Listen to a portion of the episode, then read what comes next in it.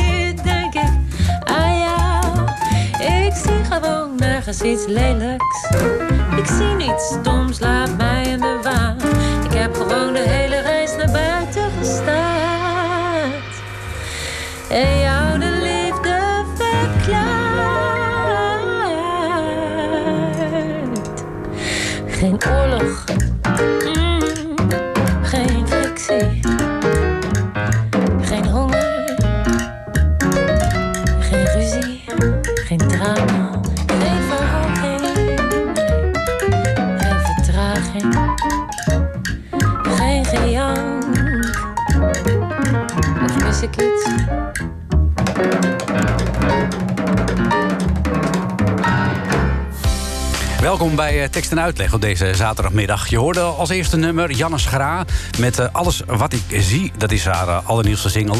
Een eh vrolijk liedje met een beetje, ja, wat mogen we wel zeggen... ou- ouderwetse klank, maar prachtig weer gezongen door eh, Janne Schra. Wat gaan we doen tot zes uur? Nou, niet zo heel veel, want we zitten er eigenlijk wel eh, lekker ontspannen bij. En eh, dan heb ik het over we en dan heb ik het over Vera Stupenia en ik. Want Vera is vanmiddag te gast. En dat is een van de weinige namen die ik in één keer goed uitspreek, denk ik, Vera. Vera Stupenia, goedemiddag. Goedemiddag Jos. Jij deed het in één keer goed. Ja, nou heb ik, moet ik eerlijk zeggen, ook wel eerst even gekeken naar de trailer van jouw nieuwe boek, waarin die naam ook goed werd uitgesproken. Want je schrijft het als eh, Vera Stupenea. En eh, dan denk je eigenlijk wel direct, die komt niet uit West-Friesland. Nee, dat klopt inderdaad. Ik ehm, ben geboren in Siberië. Ik ben geboren in de stad Norilsk. Oké, dan moet je ons eventjes eh, bij de hand nemen, Noor- al onze Noord-Hollanders, waar dat dan precies ligt. Ja, nou, Norilsk eh, ligt boven de Noordpoolcirkel. Mhm. En dat is de noordelijkste stad in Siberië. Oké. En tegelijkertijd is het ook een van de tien meer, meest vervuilde steden ter wereld. En hoe komt dat? Eh, omdat in Norilsk is een bedrijf gevestigd. Dat heet Norilsk Nikkel. En ze produceren nikkel en dus ook tegelijkertijd ook heel veel afval, afvalstof. En omdat Norilsk dat nog steeds heeft, heeft Norilsk ook een uh, status van een geheime stad of gesloten stad. Oh. Ik weet niet of jij weet wat het is, maar vroeger in Rusland waren een paar steden met uh, gesloten status. En meestal hadden ze iets te maken met de ruimtevaart of. of um, Kernproeven en kern, zo. Hè? Kernenergie, inderdaad. En Norilsk vanwege de nikkelfabriek, die heeft de status nog steeds. Hmm. En kun je die dan ook niet zien op Google Maps? Is dat, dat, heb je ook van die sommige gebieden, die, daar, die kun je dan niet terugvinden? Ja, nee, die kan je wel zien. Maar dat betekent dat je, de status betekent dat je niet zomaar naar de stad kan reizen. Je moet een speciale toestemming aanvragen om daar naartoe te kunnen komen. Oh. Niet alleen maar voor de buitenlanders, maar ook gewoon voor de Russische mensen. En hoe ben jij daar dan terecht gekomen toen de tijd? Want je, je werd, bent daar geboren? Uh, ik ben daar geboren. Nou, Norilsk werd gebouwd in de jaren 30 mm -hmm. door die dwangarbeiders uit die gulagkampen. Oké. En dat waren ook de eerste inwoners van Norilsk. Maar in de jaren zeventig heeft de Russische regering besloten om een soort van nieuw leven in te blazen. Mm -hmm. En ze hebben mensen uitgenodigd om naar Norilsk te komen. Mm -hmm. En uh, ze hebben hele aantrekkelijke arbeidsvoorwaarden gecreëerd voor de mensen. Je kon bijvoorbeeld met 45 staal met pensioen. Of je kon binnen drie jaar je eigen flat krijgen. Terwijl in Rusland moet je 15 jaar op een wachtlijst staan. Mm -hmm. En je kreeg 50% poltoeslag. Dus poltoeslag? poltoeslag goed, ja. goed woord is dat. Dus in de jaren 70 gingen heel veel mensen naar Norilsk. Dus ook mijn ouders, maar dan afzonderlijk van, van elkaar. Mijn vader kreeg een uh, leidinggevende functie bij Norilsk uh, Nikkel. En mijn moeder ging uh, lesgeven. Mijn moeder was 29 jaar lerares geweest van de Russische taal en literatuur. Aha. En ze hebben elkaar in Norilsk ontmoet. En ze gingen daar trouwen. En ik werd daar geboren. Maar uiteindelijk is Norilsk helemaal geen goede plek om te wonen. Want die gemiddelde leeftijdsverwachting daar is 49 jaar. Zo, dat Dus is ook ik- niet veel, nee. Nee, want ik ben nu 47. Dus Oh dat zou betekenen dat ik nog maar een paar jaar te leven heb. Dus toen ik eh, geboren werd, dachten mijn ouders... ja, eigenlijk moeten wij gewoon het kind weghalen uit de stad. En hebben ze besloten om te verhuizen naar Moldavië. Daar kwam mijn moeder oorspronkelijk vandaan. Haar familie woonde daar. Dat is een aardig eentje uit de buurt. Want Moldavië, dat ligt een beetje iets ten oostelijk van, eh, van Roemenië, zeg maar. Tussen Rusland en Roemenië in. Klopt, dat ligt tussen Roemenië en Oekraïne, bijna aan de Zwarte Zee. Ja. En eh, nou ja, mijn moeder kwam oorspronkelijk uit Moldavië. En vroeger was het natuurlijk een hele grote Sovjet-Unie. Dus je kon in principe verhuizen waar je naartoe wil. Je kon van Litouwen naar Kazachstan verhuizen. Ja, dat waren allemaal staten natuurlijk. Ja, ja. Dat was geen enkel probleem. Dus eh, toen ik één jaar oud was, gingen ze terug naar Moldavië. En eigenlijk ben ik hun ja, heel dankbaar daarvoor. Ja, wat voor land is Moldavië? Want ik eh, kende vroeger alle hoofdsteden van Europa uit mijn hoofd. en toen wist ik, toen heb ik geleerd dat eh, Chisinau eh, de hoofdstad is van Moldavië. Ja, dat klopt. Maar meer wist ik er ook niet van. Ja, Chisinau, Chisinau is die hoofdstad inderdaad. Eh Moldavië is een land, qua grootte is het net zo groot als Nederland. Alleen er zijn vier keer minder mensen. Tenminste, dat is ook wel leuk om te vermelden misschien. Toen ik wegging, waren maar 4 miljoen mensen eh, woonachtig in Moldavië. En tegenwoordig zijn het maar 2 miljoen mensen. Waar Dus zijn ze steeds- gebleven? Steeds meer mensen gaan naar het buitenland. Hmm. Omdat het leven in Moldavië zo niet leuk is. Je hebt heel weinig kansen. Je kan niet echt iets maken van je leven. Hmm. En heel veel mensen gaan zoeken gewoon een geluk ergens Ja. anders. En ben jij ook een van die 2 miljoen mensen die zijn geluk ergens anders ging zoeken? Nou, ik zal je vertellen, ik was eigenlijk nooit van plan om te verhuizen uit Moldavië. Want ik had daar best wel goede leven. Ehm, ik werkte, ik deed eerst de gymnasiumopleiding. Daarna ging ik aan de universiteit studeren. Ik heb mijn doctorandusopleiding gedaan in eh, moderne vreemde talen. Ik ging werken bij de Verenigde Naties. En dat was gewoon heel leuk. Ik verdiende onwijs veel geld. Dat klinkt allemaal makkelijk, hè? Zo van eh, even gymnasium, even studeren, even naar de Verenigde Naties. Maar hoe, hoe kwam je daar zo terecht bij de Verenigde Naties? Want als ik iets niet associeer met de Verenigde Naties, dan is het Moldavië. Nou, kijk, eh, ik ben opgegroeid in de Sovjet-Unie. hè. Toen was Moldavië onderdeel van de Sovjet-Unie. Dus wij hadden, wij hadden niks in het land. Hè. En toen de Sovjet-Unie uit elkaar viel... toen kwamen allemaal ambassades naar Moldavië. Allemaal organisaties zoals Verenigde Naties en UNESCO. En omdat ik zo goed Engels kon, kon ik eigenlijk... Niks aan de hand verder is mijn telefoon, maar die doe ik Oh. weer uit. Kon ik eh, eigenlijk heel makkelijk eh, een baan vinden, een goede Ah, baan. Ja. ja, Dus jij, jij hebt eigenlijk heel veel voordeel gehad bij het feit dat de Sovjet-Unie uit elkaar viel. eigenlijk wel, ja. En ik was daar zelf ook heel blij eigenlijk. Want opgroeien in de Sovjet-Unie was ook niet echt eh, leuk, laat me zo zeggen. Want hoe oud was je toen? Toen de Sovjet-Unie uit elkaar viel, was ik 15 jaar oud. Oh ja, dus midden in je middelbare schooltijd eigenlijk. Ja, ja, dus ik heb eigenlijk de Sovjet-Unie meegemaakt, zeg maar, Mhm. die ergste tijd. Wanneer je gewoon eh, in een klein vleesje woonde met je ouders en Mhm. eh, op de bank in de woonkamer sliep. En waar, waar jij in de winkels altijd in de rij moest staan eh, om een worst te kopen of een kaas te kopen. En ehm, ja, dat heb ik allemaal meegemaakt. En Mhm. Toen het uit elkaar viel, toen was het opeens wauw. eh, wij kregen restaurants, eh, wij kregen winkeltjes. In mijn jeugd was het maar één restaurant in de stad. Je meent het. En mijn vader zei altijd: als je 18 bent, gaan we uiteten. Echt, eh, dat, was, dat was een soort vooruitzicht ja, eigenlijk. ja van, dat is nu niet voor te stellen. Nee. Als ik nu niet wil koken, zegt mijn vriend: Nou, we doen een takeaway, toch? Ja, het is Ja. tegenwoordig zo makkelijk. Dat is ook dus Ja. veranderd in Moldavië. Maar wat moet dat voor jou een verandering zijn geweest op 15-jarige leeftijd?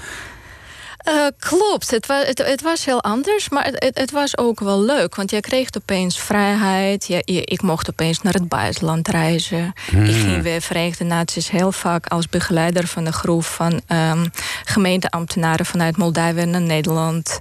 Dus ik, eh, Ah. ja, dat was heel leuk om te doen. Ja, want wat voor werk deed je precies bij de Verenigde Naties? Ik was eigenlijk eh, werkzaam bij een project. Die werd ges- gesponsord door VNG, Vereniging van Nederlandse Gemeenten. Mhm. Dus we hadden hele nauw contact met die gemeentes in Nederland en met die gemeentes in Moldavië. En wij probeerden zeg maar Moldavische gemeentes een beetje helpen ontwikkelen in hetzelfde stramien als de gemeentes hier in Nederland. Dat Aha. was ons doel een beetje. Ja, Dus ik ging heel vaak op zakenreis en ik had contact met die mensen. Ik geloof dat de officiële benaming van mijn functie was administratief medewerker slash eh, tolk of zoiets. oké. Ja, maar eh, ja, het was heel leuk. Ik verdiende onwijs veel geld. het was heel grappig, want in Moldavië destijds waren nog geen banken. Dus er waren kreeg- geen banken. Nee, ik kreeg elke maand een contant, geld. contant geld in mijn handen. En ik kon het ook nergens op de bankrekening stoppen. Dus ik bewaarde het echt in de doos onder, onder mijn bed. Jeetje. En toen ik op mijn 23ste naar Nederland kwam... heb ik gewoon het geld meegenomen, hier een bankrekening geopend... en een geld op de bankrekening gedaan. Ik vind het een wonderbaarlijk verhaal. Dat is heel grappig, ja. Jeetje. Ja. Ja, dus geen banken, geld mee. Ja. En toen kwam je dus ook, eh, toen je bij de Verenigde Naties werkte in die tijd, kwam je ook voor het eerst in aanraking met Nederland dus. Ja. Is dat toen, eh, toen je de eerste keer hier kwam, dacht je toen ook van, oh, dit is wel een aardig land. eh, ik eh, moet maar eens proberen om hier te gaan vestigen, of niet? Nou, dat eigenlijk niet. Ik weet me te herinneren dat, ehm, dat ik eigenlijk elke keer als ik naar het buitenland ging en terugkwam naar Moldavië, dat was een soort van een paar dagen even bijkomen. Hmm. Omdat jij opeens heeft gezien hoe het anders is, hoe mensen anders wonen. En, eh, en leven en eh, wat ze allemaal hebben en hoe ze met elkaar omgaan. En het is heel anders dan in Moldavië. Dus elke keer als ik terugkwam, was het even bijkomen. Dan drie, vier dagen. Nou, oké, oké, dit is nu mijn eigen leven. Ik woon in Moldavië, niks aan te doen. Ik ben hier geboren.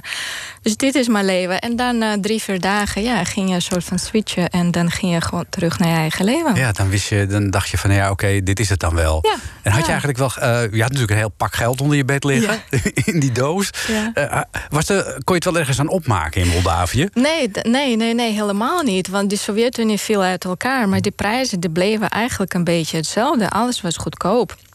Ik kon wel elke dag gaan uiteten, maar ik kon het geld echt niet opmaken. Hm. Nee. Nee. Nou, uiteindelijk kom je in Nederland terecht. Daar gaan we het zo over hebben. We gaan eerst even eh, luisteren naar eh, Thijs Boontjes en eh, Roxanne Hazes. Want je hebt een boek geschreven over een, nou ja, mogen we wel zeggen, een moord. En niet, niet één zelfs. Dat ligt een beetje in jouw aard om boeken met nou, dat soort thema's te schrijven. Dus wat is er toepasselijker dan de ballade van de moord?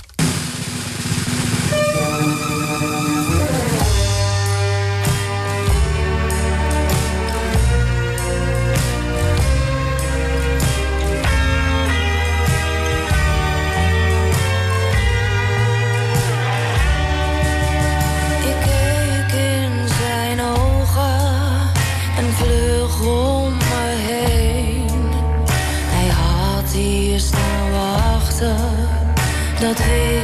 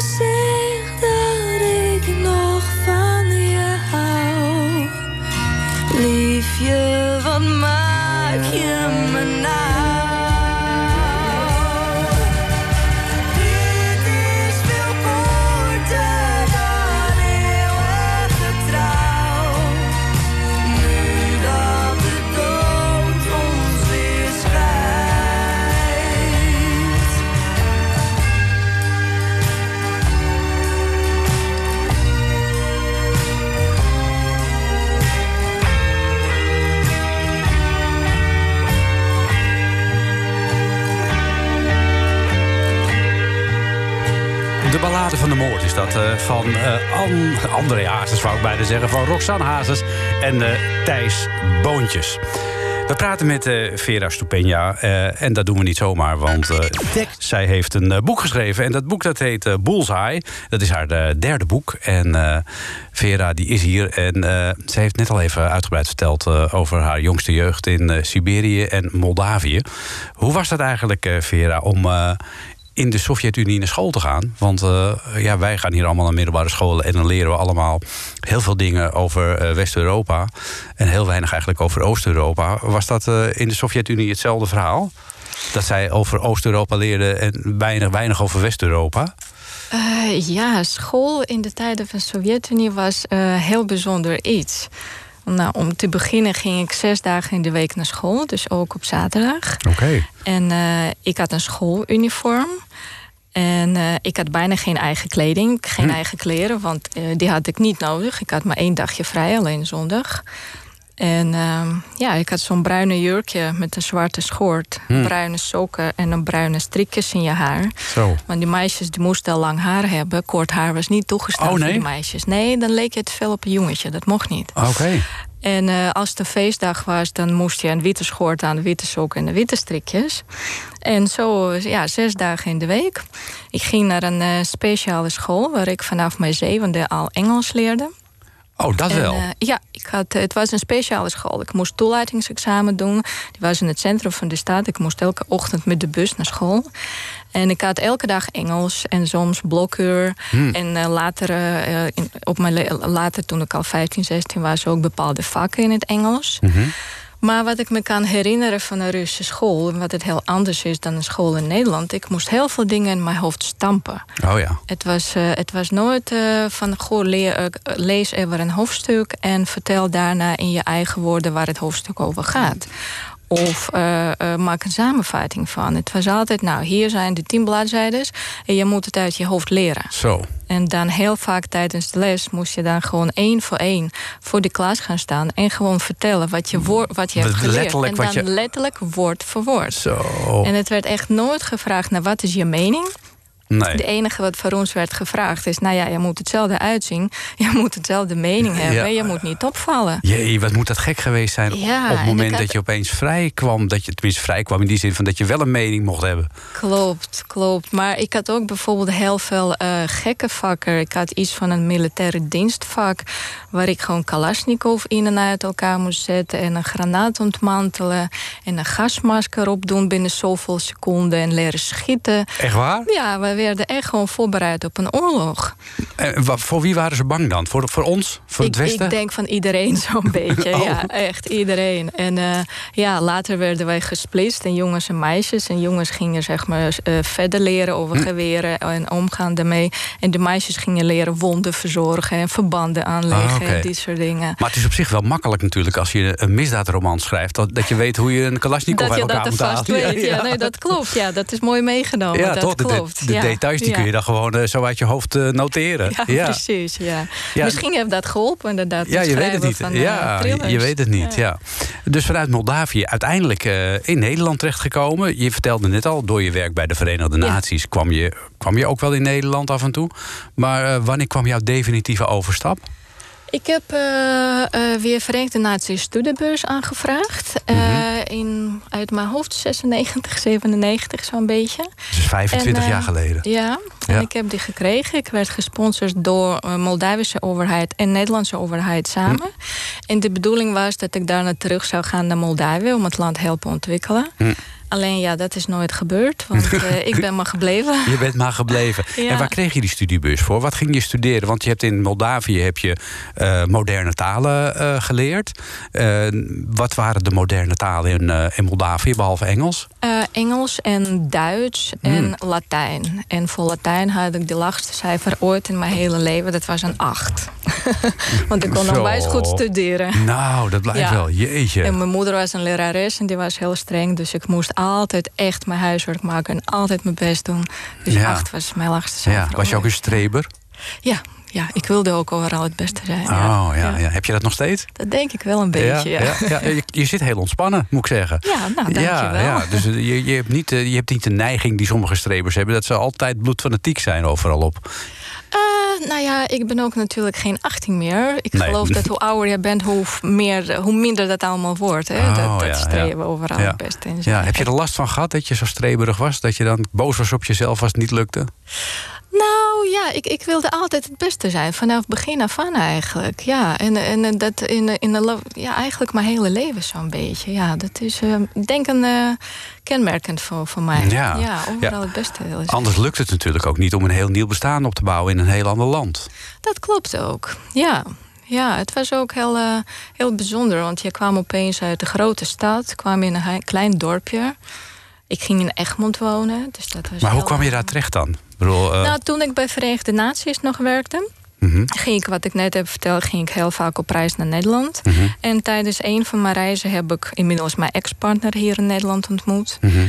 En nou, daarna kwam hij een paar keer naar Moldavië en ik weer naar Nederland. Dus zodoende ontstond er een relatie. Mhm. Dus eigenlijk toen ik al met de studiebus naar Nederland kwam... had ik al een Nederlandse vriendje. Aha. Ja, dus de- ik heb eh, drie maanden op een eh, studentenflat in Den Haag gewoond. En daarna ging ik gewoon naar Egmond verhuizen, want hij woonde in Egmond. Hij woonde in Egmond, dus Ja. ben je bij me ingetrokken. Ja, klopt. Maar ja. daar woon je inmiddels niet meer. Nee, ik woon nu in Heilo, dus ik eh, heel ver weg van Egmond.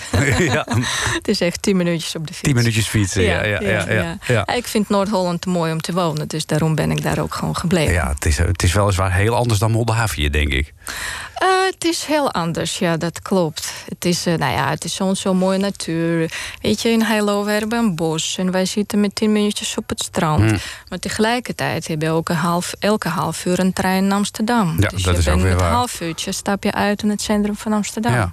Dus Ja. ik vind het heel mooi wonen, Heilo. Ja, ja ik- goed. Dan zit je op een gegeven moment zit je in Egmond. Ja. Eh, je hebt een eh, studiebeurs gekregen van de Verenigde Naties. Je bent hier aan het studeren. Maar ja, dan eh, moet kleine Vera aan het werk natuurlijk ergens. Is dat gelukt? Ging dat makkelijk? Nou, ik ging eerst Nederlands studeren. Want ik dacht, goh, ik kan goed Engels, dus ik red me wel. Maar Egmond binnen, daar praten mensen geen Engels hoor. Daar praten ze gewoon echt Nederlands met Ja, elkaar. ja, ja, nou Egmond binnens. Ja, precies. Ja, ja, dat ook. Dus eh, ja, ik heb gewoon een eh, eh, opleiding gedaan aan een Horizon College in Alkmaar. Ik weet Ah. niet of die opleiding nog steeds bestaat. Maar toen was het gewoon een dagopleiding. Ik ging Hmm. elke dag naar school. En s ochtends waren lessen met een leerkracht. En s Ja. middags moest ik met een koptelefoon. En ik denk na een maand of drie, vier heb ik staatsexamen Nederlandse taal gedaan.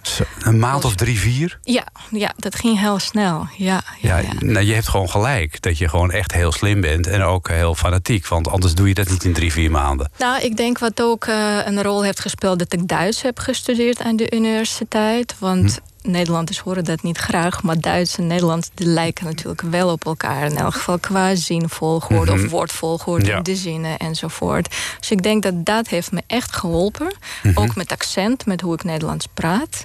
En ja, ik was natuurlijk heel gedreven. Ik wilde gewoon Nederlands leren. Wat was het moeilijkste aan Nederlands leren? Wat was het moeilijkste? Nou, ik denk inderdaad die, zins, eh, die woordvolgorde in de zin. Vooral als je twee zinnen in één hebt. Mhm. Dat jij in de tweede deel van de zin de werkwoord helemaal aan het eind van de zin moet zetten. Oh ja. Nou, aan het begin moest ik echt erover nadenken hoor. Elke keer als ik praatte. Kan ik me voorstellen, moest ja. ik echt nadenken. En bijvoorbeeld die woordjes zoals eh, they en het. Het zijn natuurlijk geen regels voor gebruik Nee. van they en het. En jullie groeien mij op. Jullie weten precies welke lidwoord past bij welk woord. Jullie voelen het ook aan.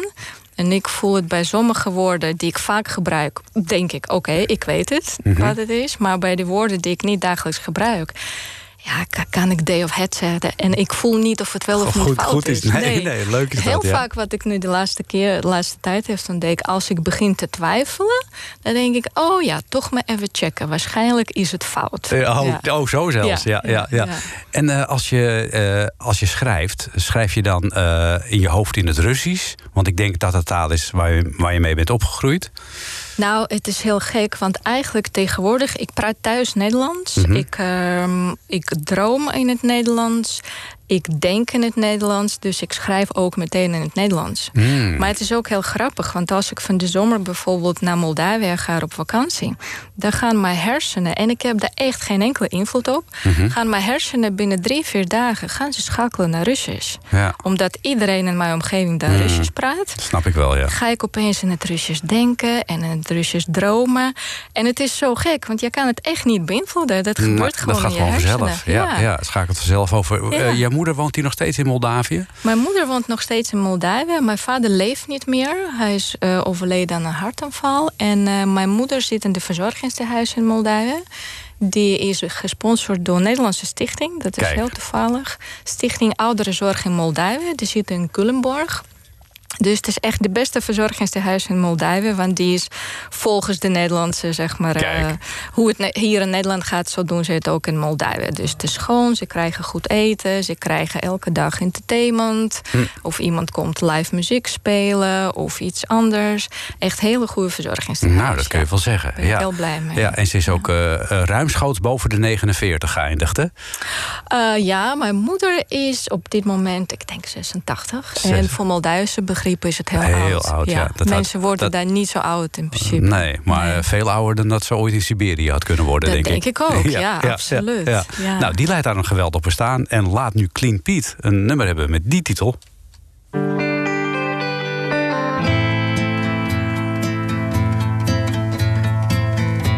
Daar ga ik dan terug naar de zee. Het zonlicht vangt mijn haar. Hangen dromen in de lucht.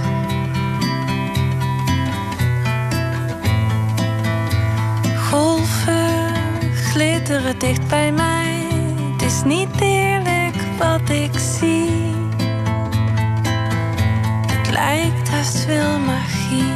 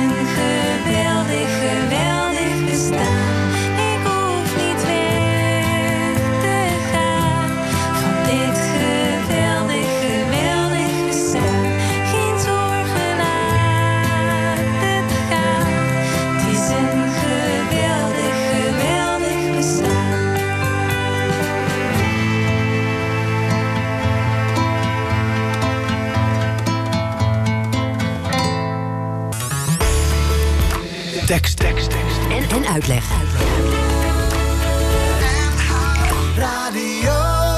En in deze tekst en uitleg eh, praten we met eh, Vera Stupenia. Zij is eh, schrijfster. Haar derde boek is inmiddels uit. Dat heet eh Bullseye. Maar het is niet jouw eerste boek, eh, Vera, dat je hebt geschreven. Nee, dat is mijn derde thriller. Eh, mijn eerste thriller was Moord om de Hoek. Het tweede was High Class Date. En dit is mijn derde thriller Bullseye. Oké. Je bent op wat latere leeftijd gaan schrijven. Eh, we waren gebleven dat je in Egmond uh, terechtgekomen was. En eh, dat je daar eh, jezelf gevestigd had. En dat je aan het werk ging. Jij bent uiteindelijk voor de klas gaan staan. Ja. Nadat je in razendsnel tempo je Nederlandse staatsexamen had gedaan. Hoe is dat zo gegaan? Ik heb ehm, mijn diploma, eh, die ik in Moldavië heb gehaald, die heb ik hier laten vergelijken. Vroeger had je in Groningen diploma-vergelijkingdienst. Ik weet niet of het nog steeds bestaat. Ja, dat bestaat nog. Oh ja, echt? Ja, dat weet ik toevallig. En toen heb ik meteen een doctorandus eh, gekregen en een eerste graads bevoegdheid. Zo. Dus ik heb gesolliciteerd bij Petrus Cornelius College in Alkmaar. En daar was ik aangenomen. En daar heb ik 19 jaar lesgegeven aan Zo. de bovenbouw van eh, VMBO. En wat voor les gaf je dan? Ik gaf Engels, Engels, en ik ja. was heel vaak ook een mentor van een groep. Nou, Oké, en hoe beviel dat? Ik vond het heel leuk. Ik vond het echt heel leuk, heel uitdagend, heel spannend. En ehm, ja, nee, ik vond het echt superleuk. Maar uiteindelijk, ehm, weet je, als je 19 jaar hetzelfde doet, Mhm. dan begint het na een jaar of 15. Tenminste, bij mij was het na een jaar of 15. Dat ik dacht, mm, ik heb nou zo vaak naar Mr. Bean gekeken. En Ik nou weet het wel. Zo vaak het verschil tussen present perfect en past simpel uitgelegd. Ik weet het niet of ik dat red nog tot mijn pensioen. Nee, nee, dat zou ik ook niet doen. En ik had natuurlijk, eh, toen ik nog op school werkte... het is inmiddels al 18 jaar geleden... was ik ook al begonnen met schrijven van schoolboeken. Mm. Hoe ben je daar zo in terecht gekomen? Dat was heel toevallig, want ik werd gewoon gevraagd. Ik weet dat educatieve uitgeverijen... die vragen heel vaak aan docenten die echt voor de klas staan... of ze willen meewerken aan de methode. Want je kent heel goed de doelgroep... dus je kan echt opdrachten schrijven op niveau. Dus ik weet, eh, ik werd eh, door Malberg heel toevallig gevraagd. Ik heb een proefopdracht geschreven. En dat, was, eh, dat vonden ze goed. En ik mocht meteen beginnen aan methode Allright. Die is nog steeds heel erg succesvol. Oké. En toen groeide het uit tot Malmberg en Timme Meulenhof en Noordhof en een paar kleinere uitgeverijen. Dus eigenlijk ik heb, heel, heb ik heel lang volgehouden drie dagen lesgeven en schoolboeken schrijven. Dus de kans dat als je een Engels eh, schoolboek eh, voor je neus hebt... dat jij daaraan hebt meegewerkt, is bijzonder groot. Absoluut, absoluut. Ik heb inmiddels meer dan 60 schoolboeken geschreven. Je meent en het. ik ben nog steeds mee bezig. Inmiddels schrijf ik alleen maar voor Noordhof. Want Noordhof werkt exclusief met auteurs. Dus als je voor Noordhof schrijft, mag je voor niemand anders schrijven. Dat doe ik al sinds zeven jaar. Maar ja, ik heb heel veel geschreven, dat klopt. Mhm. Nou, ja. dat blijkt wel, ja. Maar het, eh, zeg maar het schrijven, dat doe je nog steeds van die eh, Engelse methodes. Klopt. Maar het lesgeven, daar ben je mee opgehouden. Het lesgeven ben ik me opgehouden. Kijk, ik was eerst een lerares en ik deed het schrijven van de schoolboeken ernaast. Maar toen ging het een beetje, de verhouding ging toch wel eh, verschuiven. Ik ging steeds meer schrijven en ik vond het steeds leuker. Dus uiteindelijk heb ik na 19 jaar lesgeven toch maar gewoon eh, losgelaten. Nee. Ja. Was het moeilijk? Ehm, aan de ene kant wel, maar aan de andere kant ook niet. Iedereen heeft me eigenlijk voor gek verklaard. Want oh, jouw pensioen dan, wat denk je eraan? Het Ja. is een vaste aanstelling in deze tijden. Mag je zo'n baan niet eh, laten gaan? Maar ik was gewoon klaar. En ik had al mijn schoolboeken. En ik had al de thrillers die al beg- begonnen, zeg maar. eh, op, die kwamen net op de markt. Dus eigenlijk was het eh, een hele goede beslissing. Een goed overwogen beslissing ook.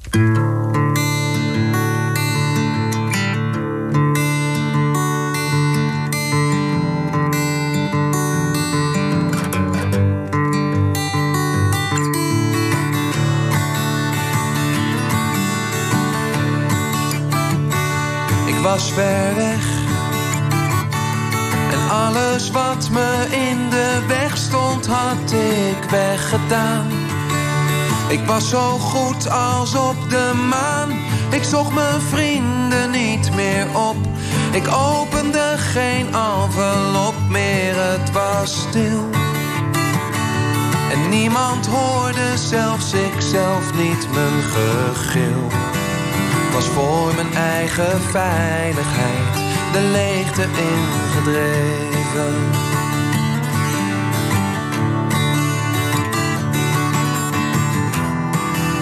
En nu was ik dus alles kwijt, was ik maar thuis gebleven.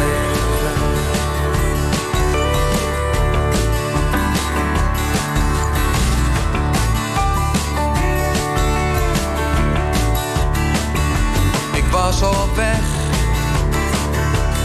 Moest van dorp naar stad, van vriend naar feest, van berg naar dal. Ik was zo goed als overal en overal ging ik in zee. En overal moest ik in mee, ik had geen stem. Of dat wil zeggen,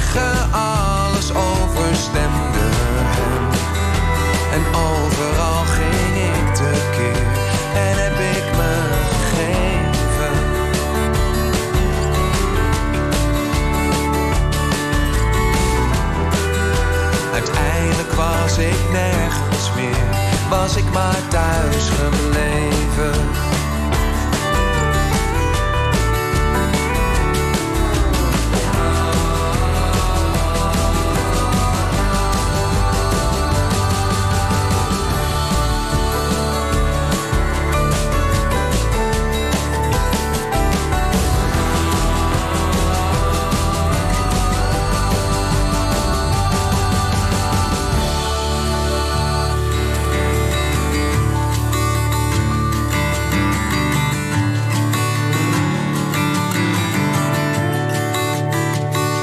Soms zit ik thuis, dan zit ik peinzend met een jaaropgave op de bank.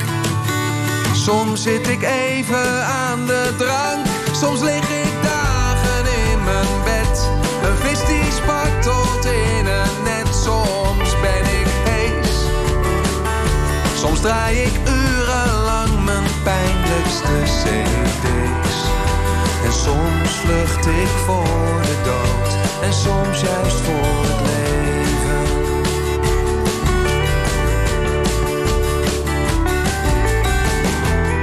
Soms denk ik aan mijn moeders schoot, was ik maar thuis gebleven.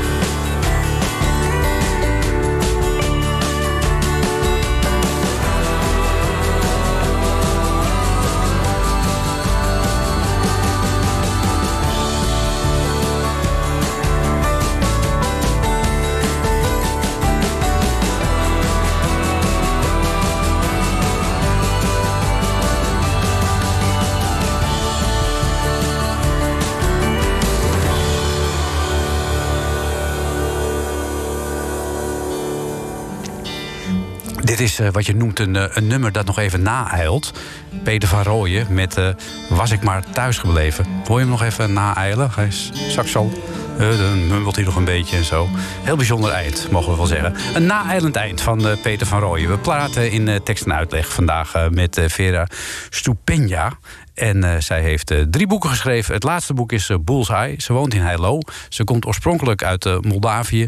Maar is hier al heel lang in Nederland. En helemaal ingeburgerd in Noord-Holland, mogen we wel zeggen. Nou, Vera, we hebben het al over zoveel verschrikkelijke, verschillende dingen gehad. Maar eigenlijk nog veel te weinig over je nieuwe boek. Waar gaat het over, Bullseye? Bullseye gaat over Claudia. Claudia is net als ik een thrillerschrijfster en heel actief op social media. En op een dag krijgt Claudia een bericht op Instagram waarin staat: eh, Kijk uit, Mike is terug in je leven. Nou, Claudia denkt meteen: wat zou het betekenen? Wie is die vrouw die het bericht heeft gestuurd? En wie bedoelt ze met Mike? Misschien is het Michael van Kessels, een beroemde darter. Claudia is een thrillerschrijfster, dus ze vindt het echt interessant om de antwoorden op deze vragen te vinden. Ja. Dus ze gaat met de vrouw afspreken. Ze gaat ook eh, daten met Michael. En hoe verder ze in haar onderzoek komt, hoe meer ze zich realiseert dat ze moet vrezen voor haar eigen leven. Aha. Dus eh, Claudia die, eh, die komt in allerlei zaken verstrikt. Eh, die krijgt ook een verhouding met een narcistische man. Klopt. Dan denk ik, hoe verzeer je dat er dan weer bij? Nou, wat, wat ik net al zei, ik vind narcisme een heel actueel onderwerp. En ik vind dat het heel weinig bekend is over narcisme. Mhm. Wij denken dat narcisten gewoon mensen zijn die een beetje te veel van zichzelf houden. Mhm. Maar dat is dus helemaal niet zo. Narcisten zijn mensen die echt heel veel kwaad Mhm. kunnen doen. En daar zijn ze echt op uit. Als Ja. je dat niet weet. Eh, ja, en je gaat de relatie met zo iemand beginnen. Dan kan je jezelf helemaal kwijtraken. Ja, het klinkt ook een beetje alsof je dat zelf hebt meegemaakt. Ik weet niet hoor. Ik heb een heel korte relatie gehad met zo, met zo iemand, inderdaad. En het was zo'n bijzondere ervaring. Dat wanneer het klaar was, ik dacht, nou, ik moet dat echt opschrijven. Want dit Hmm. is zo uniek. En het is zo weinig bekend hierover. Ik ging toen boeken lezen van Mion van Oers. Die schrijft wetenschappelijke boeken over narcisme. En toen heb ik gewoon mijn hele relatie, die half jaar heeft geduurd, heb ik gewoon echt herkend van A tot Z. En dacht ik, jeetje, maar mensen weten niet dat het zo werkt. En hoe moeilijk het ook is om daarvan af te komen. Hè? Ja, Want dat beschrijf jij ook in je boek. Ja, want dit, dit zuigt je echt helemaal in. En, het- en er ontstaat een soort van een eh, afhankelijke, ziekelijke relatie. Hm. Waar je echt alleen maar op één iemand gericht bent. Ja. Dus ik heb in het boek geprobeerd een personage neer te zetten die echt handelt als narcist, die praat als narcist. En eh, het grappige is dat ik heb nu van, zijn nog niet zoveel mensen die mijn boek hebben gelezen. Maar van eh, drie, dacht ik, heb ik al gehoord. Ja, ik heb het herkend. Hm. Ik had ook zoiets meegemaakt. Zijn er dus blijkbaar meer dan je denkt. Ik denk dat het heel veel vrouwen ervaring daarmee hebben, maar op een of andere manier weten niet hoe het heet en, Hm. en, en wat, wat er mis mee is. Ik wist het toen ook niet. Toen ik echt nog in de relatie zat, wist ik wel dat er iets fout was, maar ik wist niet wat precies en wat er aan de hand was. Maar, er komt er ook nog een darter in voor. eh, waar je wat mee gaat doen. Eh, althans, in die zin, behalve, behalve darten. En eh, hoe, hoe is die er zo ingekomen? Had jij altijd al belangstelling voor de dartsport?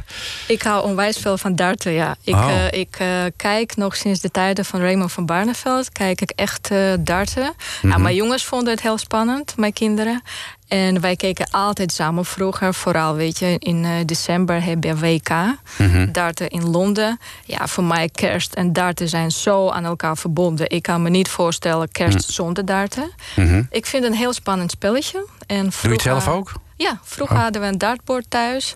Dus je ging ook wel eens pijltjes gooien. Ik ben daar niet zo goed in hoor. Maar het is ook heel moeilijk sport. Hè? Volgens mij moet je echt heel veel oefenen voordat je het echt goed kan. Maar eh, ja, ik vind het onwijs leuk om te kijken. Ja, en om te doen dus ook. En om te doen. Dus toen dacht je van, nou, die, eh, ben je wel eens bij een toernooi geweest ook... om te observeren, om eh, materiaal te zoeken voor je boek? Ja, want ik probeer inderdaad altijd naar een situatie te gaan die echt in mijn boeken voorkomen. Dus ik was, Hm. ik denk twee of drie jaar geleden, was ik naar een dartstoernooi in Zwolle. Mhm.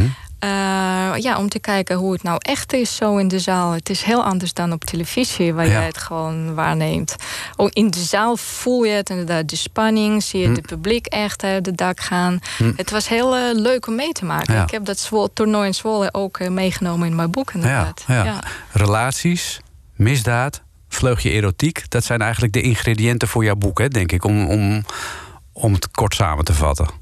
Klopt. Nou, ik wil vooral dat het een spannend boek is. Ik vind de grootste compliment die ik voor mijn boeken krijg, die, wat ik vind de grootste compliment is, ik kon het niet wegleggen. Ik Hm. heb het in twee dagen uitgelezen en ik kon niet stoppen. Dat vind ik gewoon, dit is voor mij een goed boek. Weet je, Een boek waar ik op bladzijde 10 al ga kijken naar hoeveel bladzijden zijn er nou eigenlijk, hoe kom ik er doorheen dit soort boeken lees ik niet en dan wil ik ook niet schrijven. En dat zijn voor mij ook, voor mij dan persoonlijk, niet, niet de goede boeken. Ik wil dat mijn mensen mijn boek lezen met plezier en dan het liefst in één keer en niet kunnen wegleggen. Ja, nou, dat is met dit boek in ieder geval heel goed gelukt. Eh, het ligt nu in de boekwinkel, denk ik, hè? Vanaf eh, volgende week woensdag, 28 april. Vanaf 28 is het echt officieel uitgegeven. Maar je kan hem natuurlijk nu alvast overal bestellen. Ja. En eh, bij de boekenwinkels. Die brengen het zelfs naar huis, geloof ik. Kijk, ja, ja, we doen natuurlijk allemaal bij de lokale boekhandel. want Die moeten we Ja. natuurlijk steunen in deze moeilijke Precies. tijden. Uitgeverij Aspect is de uitgever eh, die jou onder haar hoede of zijn hoede heeft genomen. Dit is niet jouw laatste boek, denk ik zomaar. Ik denk het niet. Ik weet al een beetje wat mijn volgende boek over zou gaan. En ik heb zelfs een eerste hoofdstuk bedacht. Oké, maar kun, niet meer dan dat. kun je een tipje van de sluier oplichten? Nou, weet je, soms maak je situaties in je eigen leven. waarvan je denkt: Goh, dit zou ik moeten opschrijven. Hm. Dus wij waren in december waren wij op Malediven.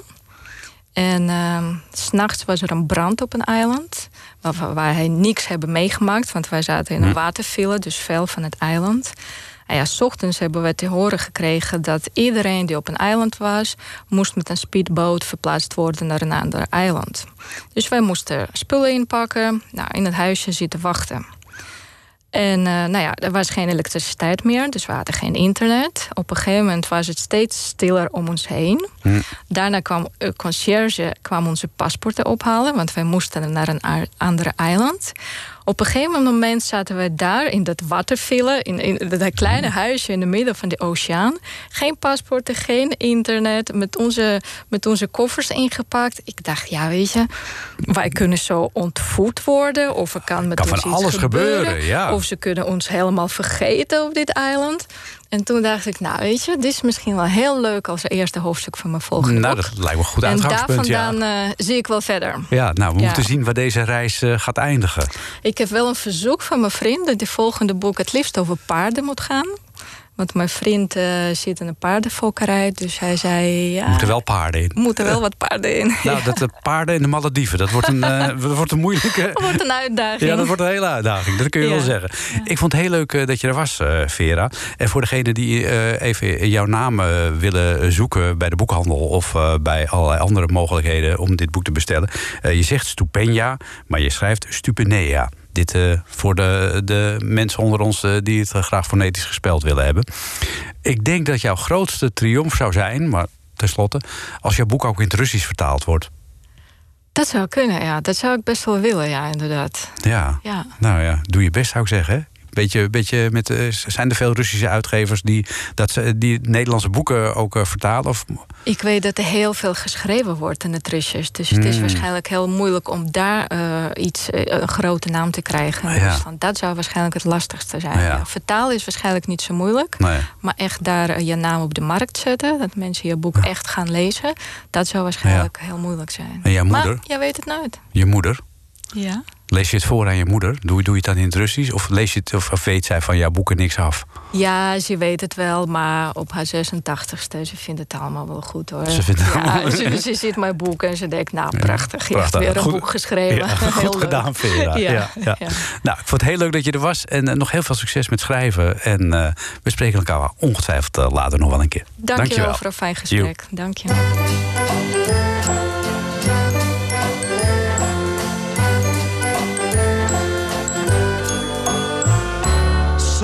Loopt niet zo gebogen. Denk je dat ze je niet mogen? Waarom loop je zo gebogen, Sammy, met je ogen, Sammy, op de vlucht? Hoog, Sammy, kijk omhoog, Sammy, want daar is de blauwe lucht. Sammy loopt niet zo verlegen, zo verlegen door de regen. Waarom loop je zo verlegen, Sammy, door de stegen, Sammy van de stad? Hoog, Sammy, kijk omhoog, Sammy, want dan word je lekker nat. Sammy, kromme, kromme Sammy, dag Sammy, domme, domme Sammy. Kijk niet om zich heen, doet alles alleen en vindt de wereld heel gemeen. Sammy wil bij niemand horen, zich door niets laten verstoren. Toch voelt hij zich soms verloren, Sammy, hoge toren, Sammy kan niet aan. Hoog Sammy, kijk omhoog Sammy, want daarboven lacht de maan. Sammy wil met niemand praten, maar toch voelt hij zich verlaten. Waarom voel je je verlaten, Sammy, op de straten, Sammy van de straat? Hoog Sammy, kijk omhoog Sammy, want dan word je lekker nat. Sammy, kromme, kromme Sammy, dag Sammy, domme, domme Sammy. Kijk niet om zich heen, doet alles alleen en vindt de Sammy wil heus wel veranderen, maar is zo bang voor de anderen. Waarom zou je niet veranderen, Sammy? Want de andere Sammy zijn niet kwaad. Hoog Sammy, kijk omhoog Sammy, anders is het vast te laat. Sammy loopt mij door de nachten, op een wondertje te wachten. Wie zou dit voor jou verzachten, Sammy? Want jouw nachten, Sammy, zijn zo koud. Hoog Sammy, kijk omhoog Sammy, er is een die van je houdt.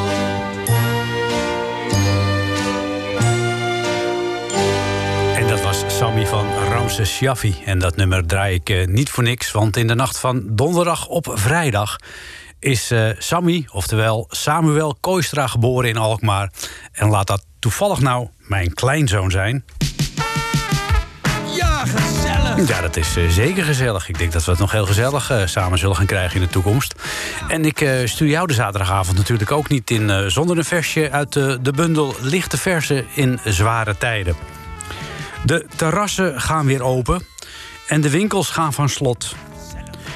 Zo heeft de zorg toch verloren van koopjeslust en drankgenot.